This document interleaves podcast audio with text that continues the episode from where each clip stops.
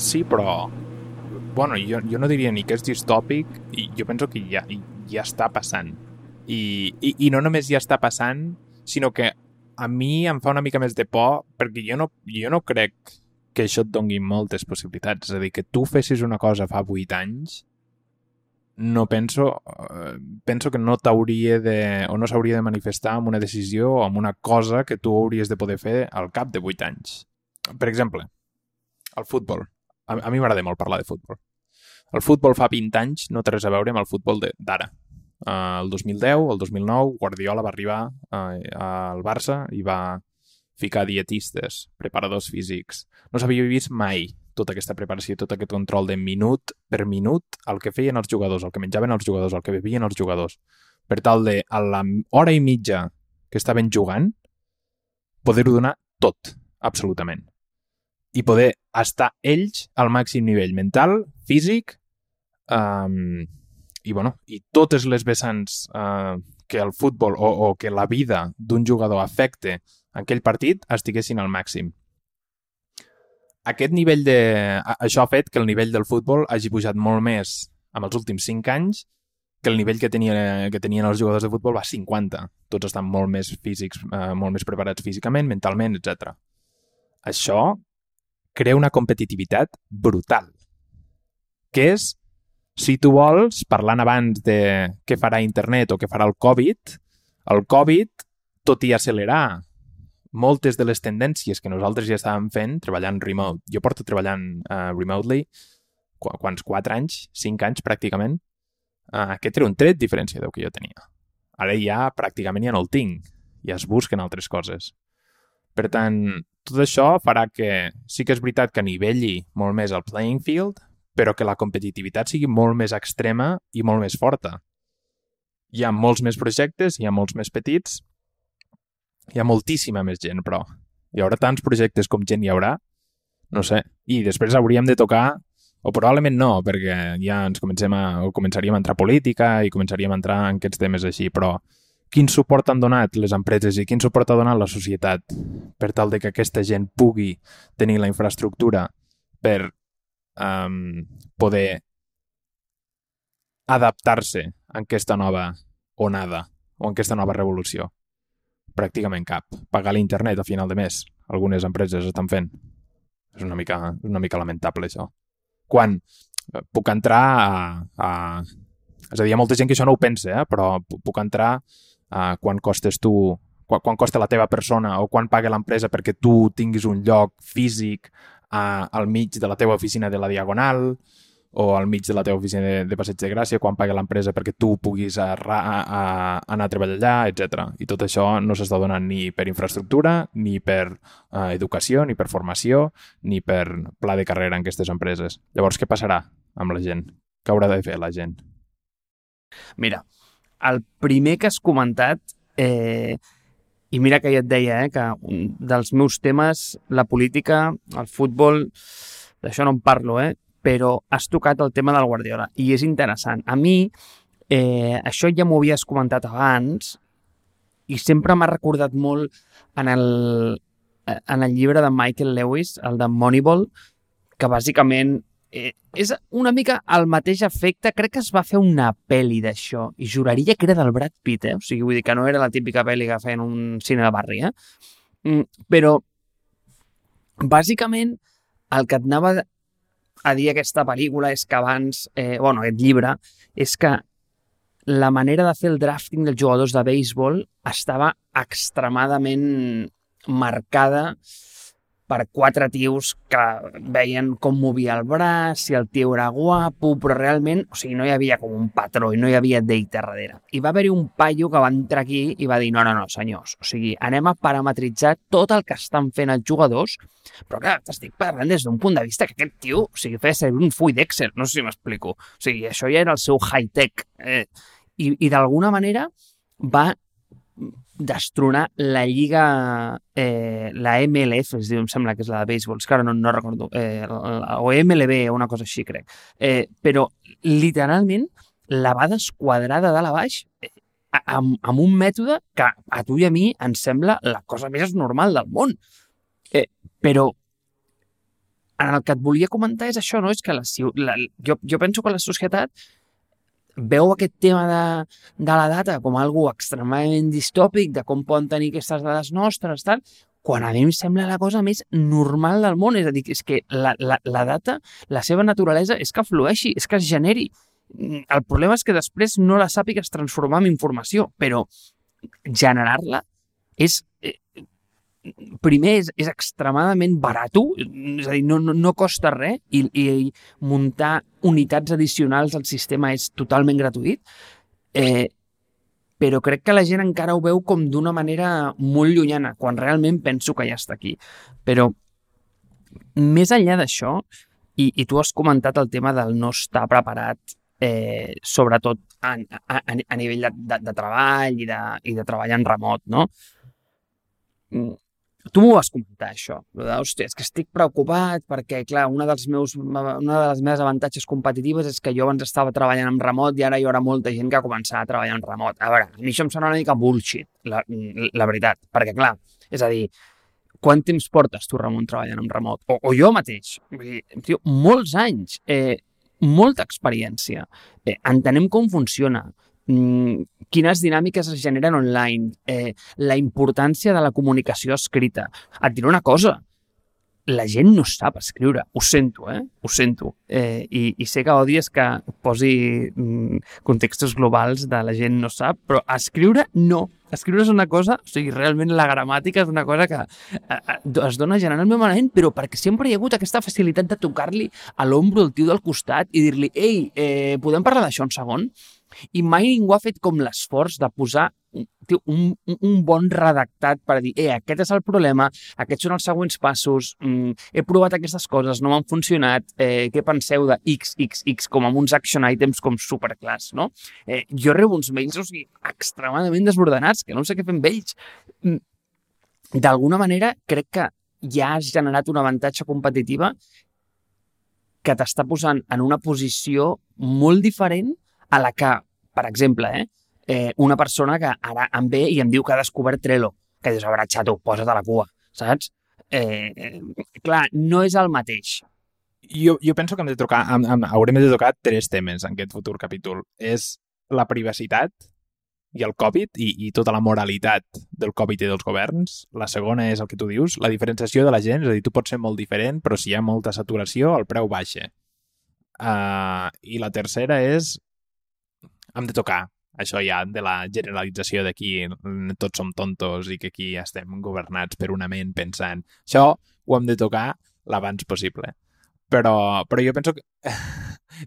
ja, ja, ja sé que no vols dir això, però jo penso que, que hem de tocar, hem de tocar. És a dir, um, això de pensar-nos que som millors, i, i ja sé que no ho fas, eh? I, i ja sé que, que, que no ho fem pel general, però um, jo penso que hi ha molta gent diferent uh, i hi ha molta gent que està en aquesta escala. És a dir, tot i la societat ser probablement una campana de Gauss, jo penso que aquesta campana de Gauss no està tan accentuada al mig, sinó que està molt més dividida. Però bé, um, jo penso que aquests són els tres temes que hauríem de continuar. Mm. El de, el de la...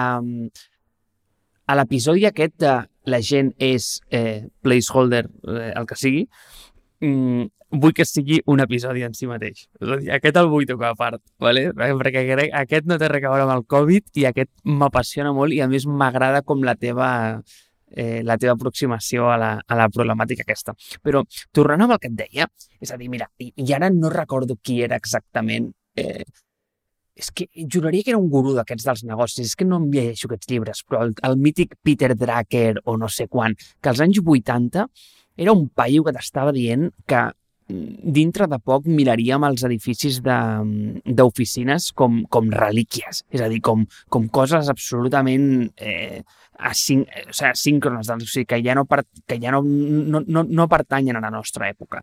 I, i si ho pensaves llavors, deies, ostres, quina, quina bajanada. Però ho penses ara i dius, és que realment quin sentit té aglomerar a 5.000 persones sota un mateix sostre per tirar un gol en comú. És a dir, crec que això l'únic que fa és que et genera com aquestes males pràctiques de management en el que tu realment valores la persona, per, un, la seva capacitat empàtica i dos, per les hores que es passa sentat a la cadira molt més que el seu outcome eh, com a eh, com a treballador. I això el que et genera és com aquesta casta de, de gestors o de, mm, ho sento, eh, vull dir, empresaris, el que sigui, no? M'és igual, eh, o, o de, de, de, de capa directiva en la que tens gent únicament avaluada pel fet de que, tio, arriba a les 9 i se'n va a les 6.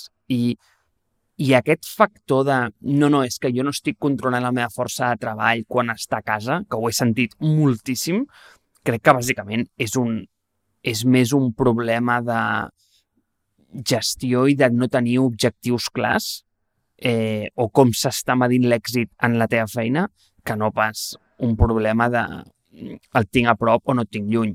Jo entenc que hi ha feines que s'han de fer, que, que s'han de fer on-site i, i, i són, escolta, vull dir, si tu eh, has de fer com el, el, el caring d'una persona gran o has de fer una operació a cor obert. Bueno, aquesta última... Eh, no podíem parlar molt, però, però, però, però la primera no. Eh, I, escolta, vull dir, és, és evident que has d'estar allà. Mm, mm, o si has de repartir alguna cosa, bueno, aquesta també es podria, es podria automatitzar, però bueno, és igual, hi ha algunes que s'han de fer, vale o no? Eh, però moltes d'altres eh, crec que si et permeten aquesta flexibilitat, crec que abraçar-la seria una, eh, seria una bona oportunitat per a tothom. Sí, bueno, jo, jo penso que amb el tema de les 5.000... Per, per què vols 5.000 persones dins d'un edifici? Jo, jo penso que un dels temes que haurem de tocar també en un futur, i penso que l'hauríem d'apuntar, és uh, empreses grans versus empreses petites i com jo penso que les empreses que estan internament estructurades de manera petita funcionen molt millor que les empreses que estan estructurades de manera gran. No sé qui era, si era Malcolm Gladwell o un, un d'aquests autors que deien que les millors empreses funcionaven si eren empreses més petites de 100 treballadors i si en tenies més havies d'estar separats amb grups de 100 persones. Fins i tot hi ha una, una de les empreses més, més famoses amb el sector del vidre que fa un, un vidre que, que el vidre és, un, és una cosa com, com, vull dir, tots tenim a les nostres cases, però ens pensem que no tenim al nostre voltant. Però, de fet, tots tenim una pantalla d'ordinador i tots tenim un mòbil que abans era de plàstic i havies d'apretar com trencant la pantalla cada vegada i ara tenim un vidre que es diu Gorilla Glass i això està inventat per Corning. I, i aquesta és una empresa, és, és una subempresa d'una empresa que és mm, de mils de treballadors, però aquesta empresa està dividida en persones o en grups molt més petits. Um, I jo penso que a, a tu t'agrada molt l'estadística i t'agrada molt uh, com, bueno, mm, tot el que passe, això, agafar el teira i uh, separar-ho i, i treure'n conclusions. I jo penso que per què vols a 100 persones brillants a dins d'un mateix edifici?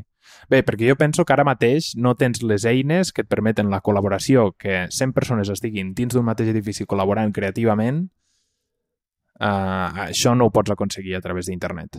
I per això Apple està trobant tants problemes treballant uh, per internet, perquè estan intentant treballar per internet, però a, a part de les fatigues que hi ha, a part del cansat que és tu treballar per internet estant només amb una pantalla i no con connectar-te amb ningú quan has estat acostumat a connectar-te uh, amb gent durant pràcticament 9 hores al dia.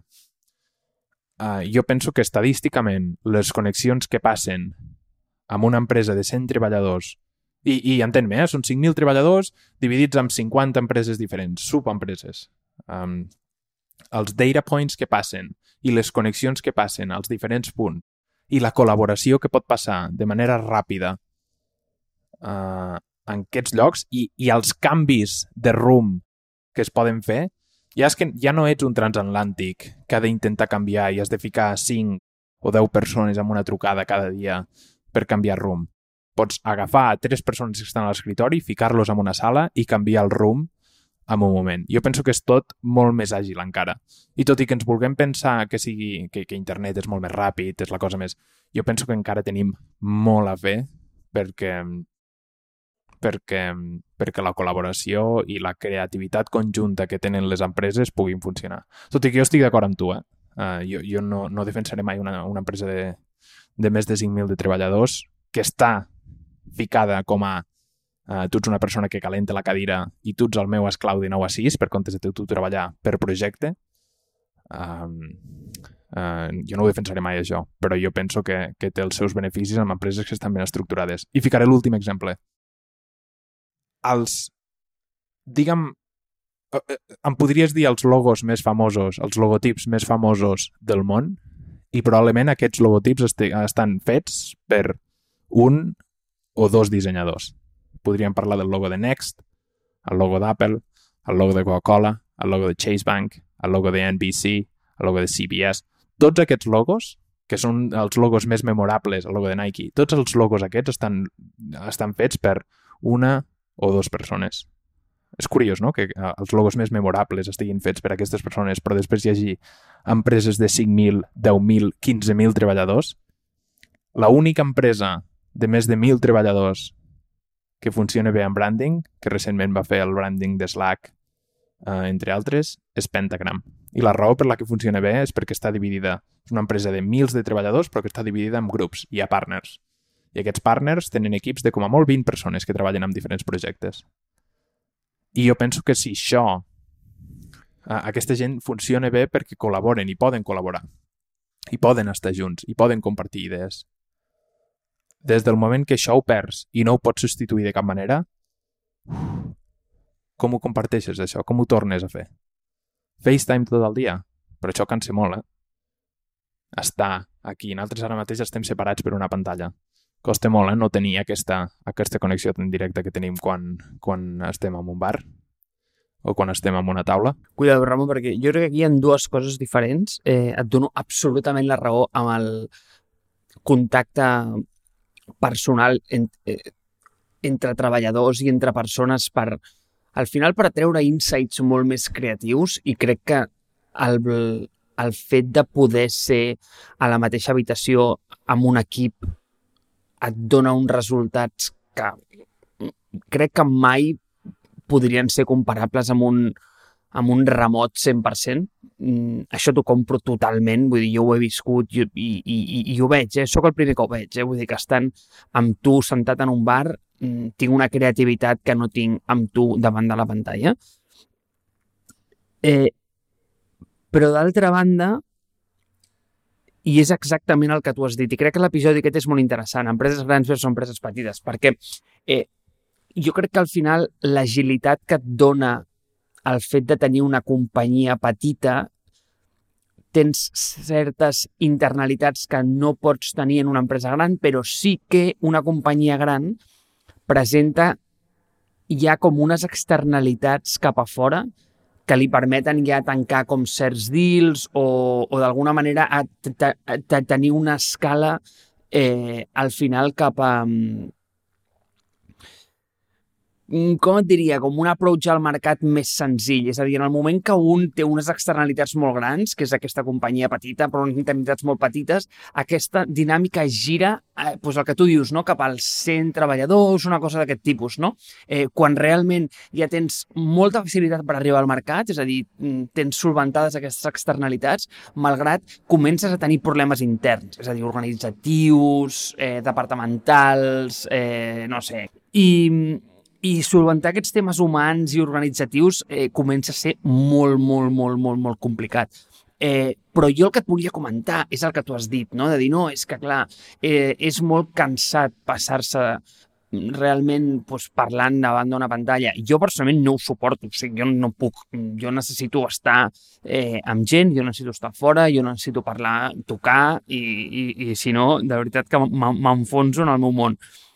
Eh, el que passa és que, i torno al que tu em deies abans de no és que la distància que tu portes ja adquirida o el, el, el rango que tu ja portes corrent amb, amb remot no té res que veure amb el que una persona ahir va descobrir Trello, no? Hi ha mil companyies que es pensen que el treball en remot és que, tio, enviar la gent a casa i, i, i ja parlarem, ja col·laborarem, ja ho farem d'alguna manera. No, o sigui, realment hi ha unes dinàmiques a sota i uns fonaments, hi ha uns pilars per com construir una bona cultura remota i no és el fet de dir, no, mira, doncs seguim fent el mateix, però ara no ens veiem, sinó que estem darrere una pantalla. No, o sigui, això no és.